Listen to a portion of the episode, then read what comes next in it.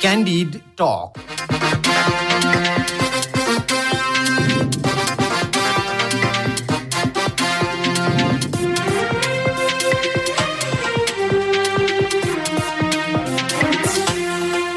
नमस्कार क्यान्डिड टकमा तपाईँलाई स्वागत छ। म धीरज बस्नेत। रेडियो क्यान्डिडको प्रस्तुति कार्यक्रम क्यान्डिड टक तपाईँले शनिबार बाहेक हरेक दिन बिहान साढे छ बजेबाट सात बजेसम्म आधा घन्टा सुन्दै आइरहनु भएको छ। समसामयिक विषयमा कुराकानी हुने यो कार्यक्रम तपाईँले काठमाडौँ उपत्यका र आसपासका जिल्लामा बयानब्बे दशमलव सात मेगाहर्जमा रेडियो क्यान्डिडको आधिकारिक फेसबुक पेजमा हाम्रो पात्रोमा रेडियो क्यान्डिडको एप्स डाउनलोड गरेर र पोडकास्टमा समेत सुन्न सक्नुहुन्छ। प्रधानमन्त्री शेरबहादुर देउवाले संसदमा तेह्र सिट रहेको महन्त ठाकुर नेतृत्वको लोकतान्त्रिक समाजवादी पार्टी लोसपालाई पनि सत्ता गठबन्धनमा जोड्ने गृह कार्य थाल्नु भएको छ। एमाले अध्यक्ष केपी शर्मा ओलीले सङ्घ र प्रदेश निर्वाचनमा लोसपासँग सहकार्यको प्रस्ताव अघि सारेपछि देउवाले पनि सक्रियता बढाउनु भएको हो। लोसपाका नेताहरूका अनुसार दुवै पार्टीबाट प्रस्ताव आएको र जुन पार्टीबाट चित्त बुझ्दो सिट आउँछ उसैसँग गठबन्धन गर्ने तयारी भइरहेको समेत बताएका छन्। प्रधानमन्त्री भने जसपा र एकीकृत समाजवादीभित्र द्वन्द्व बढेकाले ती पार्टीमा फुट आए सरकार अल्पमतमा पर्ने डरमा प्रधानमन्त्री रहनु भएको छ र त्यही डरका कारण लोसपालाई सरकारमा सहभागी गराउने उहाँको रणनीति देखिएको छ। कि लोसपा चाहिँ सरकारमा सहभागी हुन तयार छ? उसका शर्तहरू के छन्? ऊ चुनावमा शेरबहादुर देउवा सँग सहकार्य गर्ने कि केपी ओलीसँग सहकार्य गर्ने मनस्थितिमा रहेको छ? आज हामी यी विषयमा विशेष कुराकानी गर्दैछौँ। त्यसका लागि हामीसँग हुनुहुन्छ लोकसभाका युवा नेता केशव झा। झाज्यू यहाँलाई स्वागत छ क्यान्डी टकमा। हेलो? हामीसँग कुराकानीका लागि यतिखेर हुनुहुन्छ लोकतान्त्रिक समाजवादी पार्टी लोकसभाका युवा नेता केशव झा। झाज्यू यहाँलाई स्वागत छ क्यान्डी टकमा। हजुर थ्याङ्क यू धन्यवाद। सबैभन्दा पहिला चाहिँ हिजो यहाँहरूले प्रधानमन्त्री शेरबहादुर देउबासँग भेट्नुभयो केही आफ्ना मागहरू राख्नुभयो ती मागभित्र चाहिँ सरकारमा सहभागी हुने विषयहरू थिए कि थिएनन्? अहिले हामीले राखेको हामीले जे ज्ञापन पत्र बुझाएका छौँ त्यो बाहिर सार्वजनिक भइसकेको छ। अब त्यसमा हामीले ज्ञापन पत्र त सार्वजनिक भयो मैले भन्न खोजेको त्यो भित्र भएका कुराकानी ज्ञापन पत्रसँगै भएका कुराकानी चाहिँ सरकारमा सहभागितासँग जोडिएको विषय थियो कि थिएन? अब त्यो त्यो विषयमा चाहिँ अहिलेसम्म सरकारको बारेमा कुनै कुराहरू उठेको छैन। तर हाम्रो माग मुद्दाहरू पुरा भयो भने अब एउटा राजनीतिक पार्टी सोसियो पोलिटिकल अर्गनाइजेसन भन्छ। त्यो चाहिँ त्यसको अन्तिम लक्ष्य भनेको सत्ता प्राप्ति हुन्छ। सत्तामा जाने नै हुन्छ। आफ्नो माग मुद्दाहरू पुरा भएपछि। अब हाम्रो पनि माग मुद्दा पुरा भयो भने हामी सरकारमै नजाने भन्ने कुरा त हुँदैन। त्यो जान त सकिन्छ। तर अहिलेसम्म त्यस विषयमा सरकारको तर्फबाट कुनै प्रस्ताव आएको छैन। त्यस विषयमा हाम्रो माग मुद्दा पुरा भएपछि यदि प्रस्ताव आयो भने त्यसपछि हामी विचार गरौँला। के हो तपाईँहरूको माग मुद्दा जो चाहिँ सरकारले तत्काल सम्बोधन गरिदिइहाल्नु पर्ने अब तत्काल भन्दा नि हामीले त्यो त्यसमा एघार बुद्धे मागहरू अगाडि सारेका छौँ खास गरेर यो मुद्दा फिर्ता आन्दोलनकारीमाथि लागेका मुद्दा फिर्ता राजबन्दीहरू रिहाई अनि नागरिकताको समस्या समाधान त्यसपछि लाल आयोगको प्रतिवेदन सार्वजनिक लगायतका विषयहरू छन् त्यो तत्कालै गर्न सकिने कामहरू हो।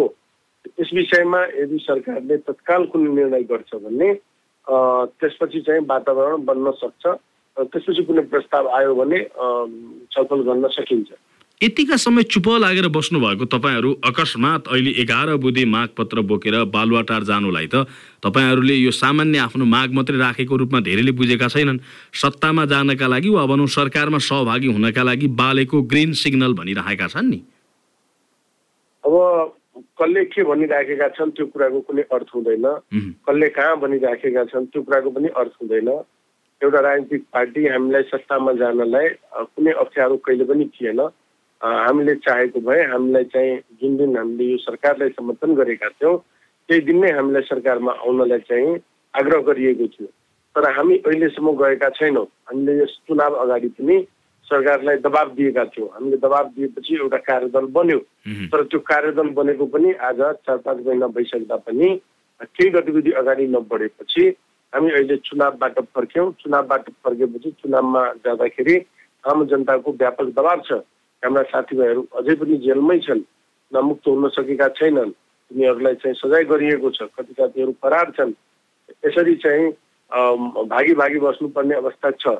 त्यस कारणले जो साथीहरू जेलमा छन् त्यसको तत्काल रिहाई हुनुपर्छ। अन्य शर्तहरू छ मुद्दा फिर्ता हुनुपर्छ भन्ने कुराहरू छ।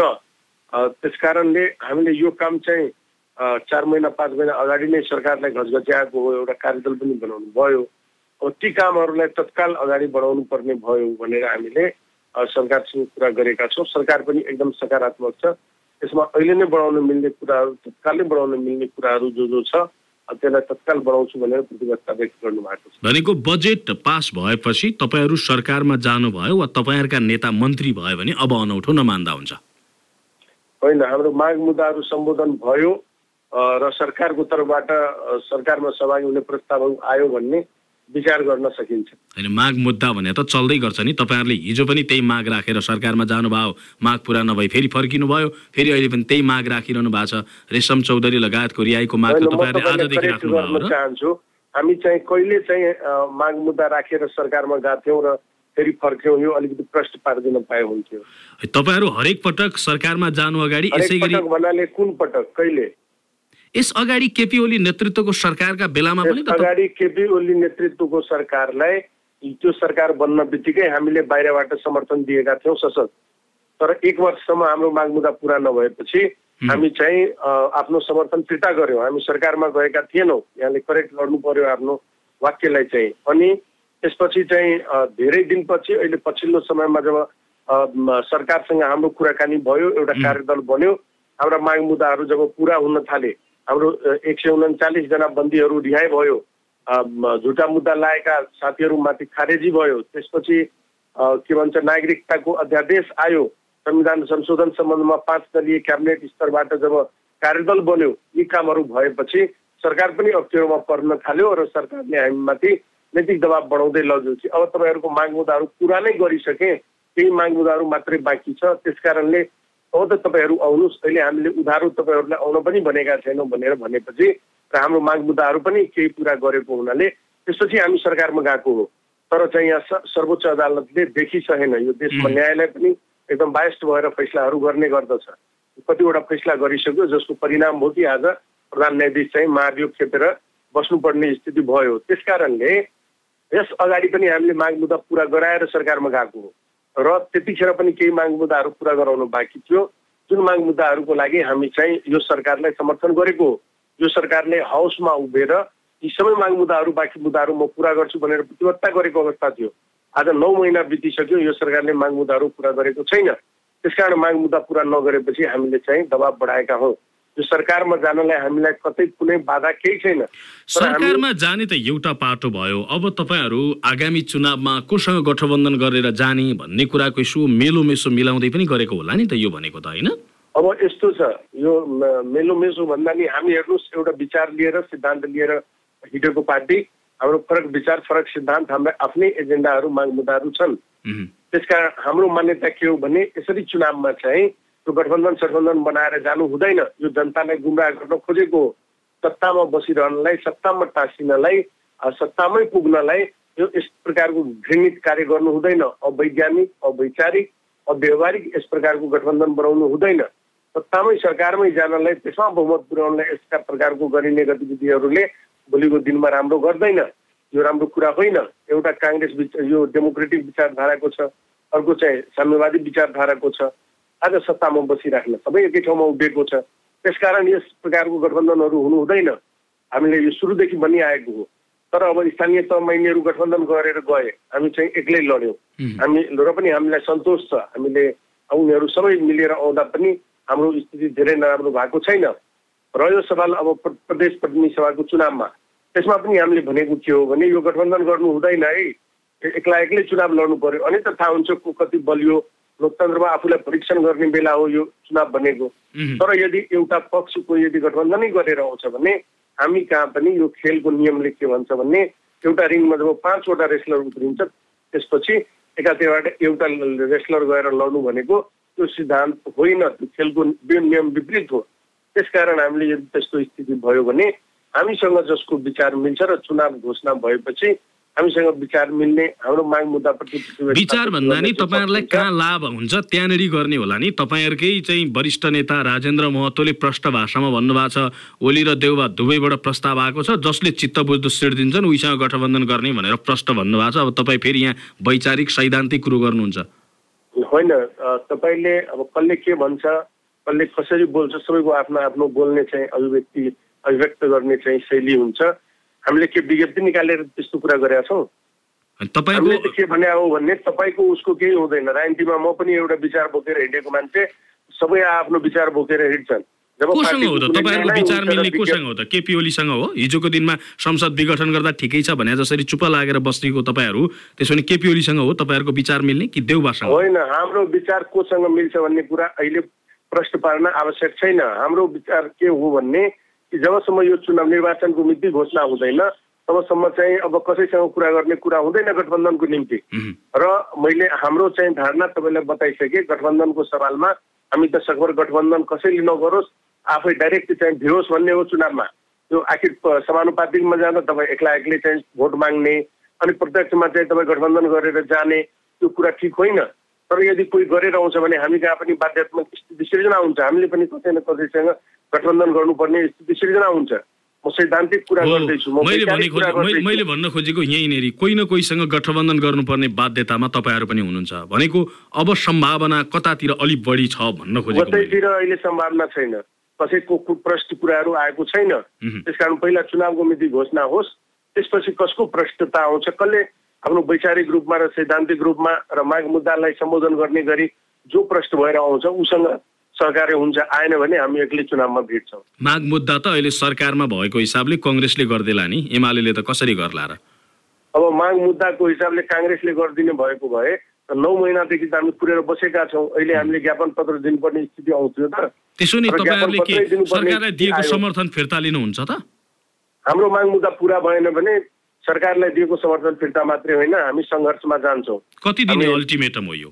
यो अहिले दिने अल्टिमेटम त दिएको छैनौँ टाइमै तोकेर दिएका छैनौँ। कुराकानी अब हामीले राखेको विषयवस्तुमा सरकार गम्भीर छ सरकार चाहिँ एकदम सकारात्मक छ र माग मुद्दा मुद्दा तत्काल अगाडि बढाउँछु भनेर प्रतिबद्धता व्यक्त गरेको हुनाले अब यति दिन कुरेका छौँ केही दिन अझै हामी पुग्छौँ तर भित्री कुरा चाहिँ के आइरहेको छ भने प्रधानमन्त्री देउबालाई नै अलि अप्ठ्यारो अप्ठ्यारो पर्यो जस्तो यदि मन्त्री हेरफेर गरेपछि जसपाभित्र पनि कुनै ढङ्गको फुट आइदियो भने एकीकृत समाजवादीभित्र नि एउटा खालको विचलन आइदियो भने त्यसले सरकार धरापमा पर्छ। त्यसकारण लोकतान्त्रिक समाजवादी पार्टी चाहिँ मेरा लागि एउटा टेको हुनसक्छ भनेर तपाईँहरूलाई फकाइरहेको भन्ने कुरो नि त आछ नि? यस्तो कुराहरूको कुनै अर्थ हुँदैन। यो यो हाम्रो देशमा के छ भने सबै विज्ञ छन् होइन? सबैलाई सब कुरा थाहा हुन्छ। र सबले आफ्नो तरिकाले विश्लेषण गरेर हुँदै नभएको कुरो चाहिँ पुरै गोवल्सको फर्मुलामा प्रोपगन्डा गरेर बल्ला मचाएको हुन्छ। सरकारको तर्फबाट आजको दिनसम्म हामीलाई कुनै कुरा भनिएको छैन। सरकारले हामीलाई बोलाएको पनि होइन। हामी आफ्नो आफ्नै तर्फबाट टाइम मागी मागी प्रधानमन्त्रीलाई भेटी भेटी हाम्रो माग मुद्दा पुरा गर्नुहोस् है भनेर हामी घटघटाइरहेका छौँ। त्यस कारणले यसमा चाहिँ अब सरकारलाई लागेको भए सरकार अप्ठ्यारोमा परेको भए सरकारले हामीलाई खोज्छौँ नि आजको दिनसम्म खोजेको छैन। जुन दिन खोज्छ र औपचारिक प्रस्ताव दिन्छ त्यो दिन चाहिँ हामी सबै कुरा सार्वजनिक गर्नेछौँ यहाँहरू सरकारमा सहभागिताका लागि चाहिँ प्रधानमन्त्रीबाट औपचारिक प्रस्ताव चाहिँ आएको छैन? औपचारिक मात्रै होइन अनौपचारिक प्रस्ताव पनि आएको छैन। भनेपछि यो अहिलेको भेटघाट भनेको विशुद्ध मागका लागि मात्रै रहेछ है? विशुद्ध मागका लागि र हामीले आफ्नो एजेन्डा अगाडि सारेका छौँ। यो चुनाव अगाडि चाहिँ सरकारले कार्यदल बनाएको थियो माग मुद्दा पुरा गर्ने सम्बन्धमा त्यो कार्यदलले पनि आफ्नो होमवर्कहरू पुरा गरिसकेको अवस्था छ। त्यसकारण अब किन ढिला भइरहेछ भनेर हामी चाहिँ अहिले घचघचाउनलाई सरकारलाई त्यो ज्ञापन पत्र दिएको हो। यो चाहिँ बालुवाटार तपाईँहरू गएको कुरा भयो। अर्को पाटो चाहिँ स्थानीय निर्वाचनको अलिकति प्रसङ्ग कोट्याउँ स्थानीय निर्वाचनमा तपाईँहरूलाई त खासै त्यति धेरै राम्रोसँग स्थानीय निर्वाचनले लाभ दिएन नि है किनभने त्यो एक्लै लडेर हो कि अरू केही कारणले थियो? होइन मुख्य रूपमा त अब कुरा के भयो भने अब चुनाव जस्तो कुरा होइन। स्थानीय त भनेको विकासे युनिट हो। यसमा हाम्रो मान्यता त के हो भने यसमा चाहिँ पार्टीले सिस्टममा चुनावमा जानुपर्ने हो। यसमा चाहिँ कुनै पनि पार्टीलाई भाग लिनु हुँदैन विकास युनिट हो त्यो लोकल लेभलमा पनि राजनीति गरेर विकासका कुराहरूमा सत्यानाश गर्नु हुँदैन भन्ने मान्यता हो। त्यतिखेर काङ्ग्रेस पनि सकारात्मकै थियो तर कम्युनिस्ट पार्टीहरू चाहिँ जहिले पनि एकदम स्थानीय तहमा पनि पार्टी सिस्टममै जानुपर्छ भन्ने मान्यता राख्छ। कम्युनिस्टहरूको यस प्रकारको काम उसले गर्दा विचारहरूले गर्दाखेरि अप्ठ्यारो पर्छ। यसपालि त देशको विभिन्न भागमा स्वतन्त्र उम्मेदवारहरू लडेर जितेर यो सिस्टमलाई थ्रेट पनि गरेको अवस्था छ।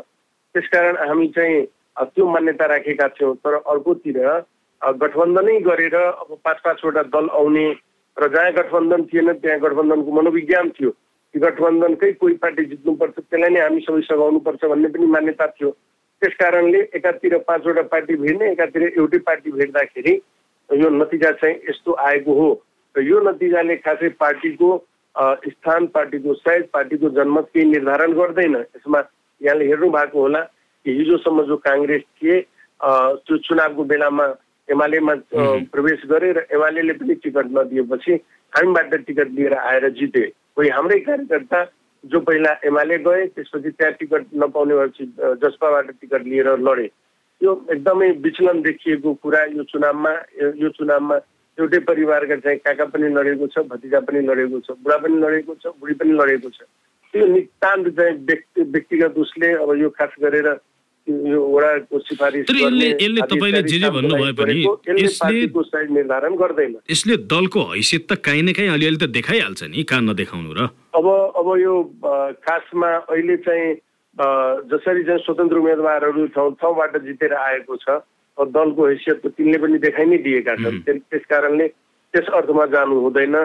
दल राजनीतिक दलहरू एउटा विशेष प्रयोजनको लागि यहाँ स्थापित भएको हो। यो मुलुकमा प्रजातन्त्र ल्याउनको लागि दलहरूको ठुलो भूमिका छ। यो मुलुकमा गणतन्त्र ल्याउनको लागि दलहरूको ठुलो भूमिका छ। अहिले संहिता ल्याउनको लागि दलहरूको ठुलो भूमिका छ।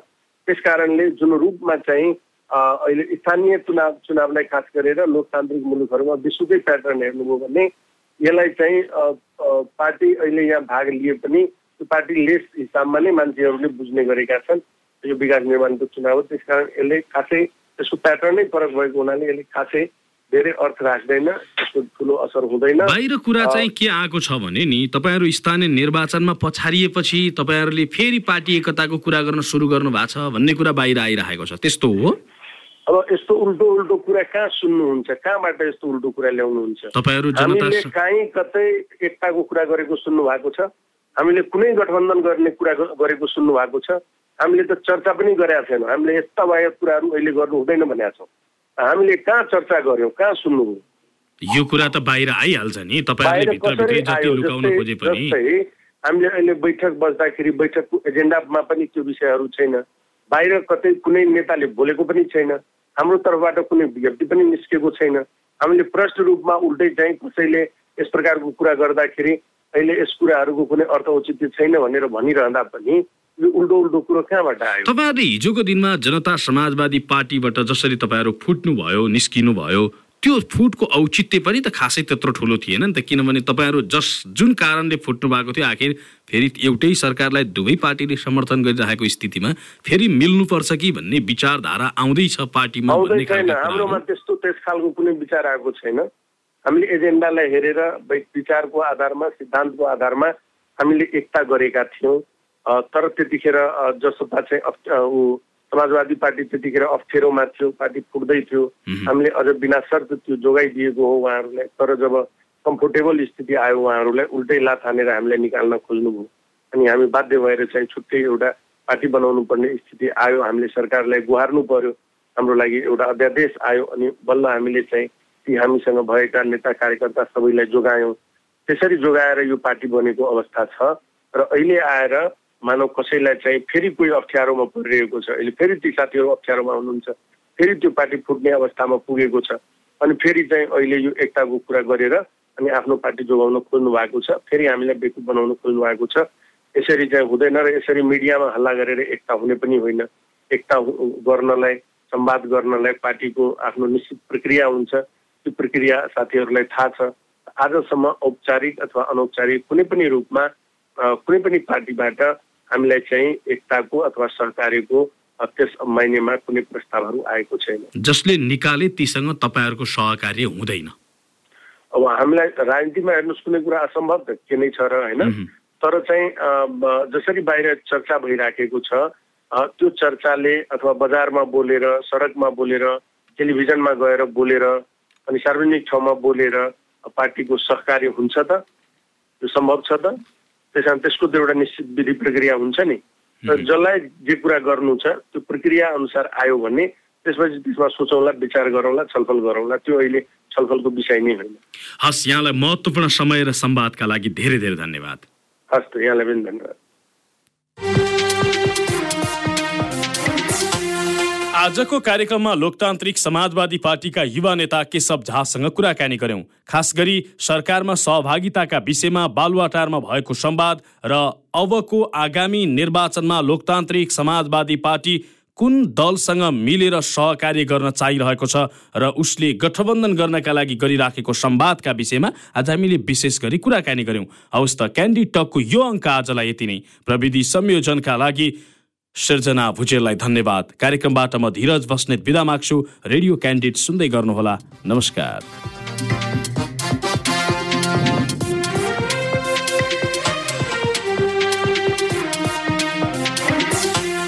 Candid Talk.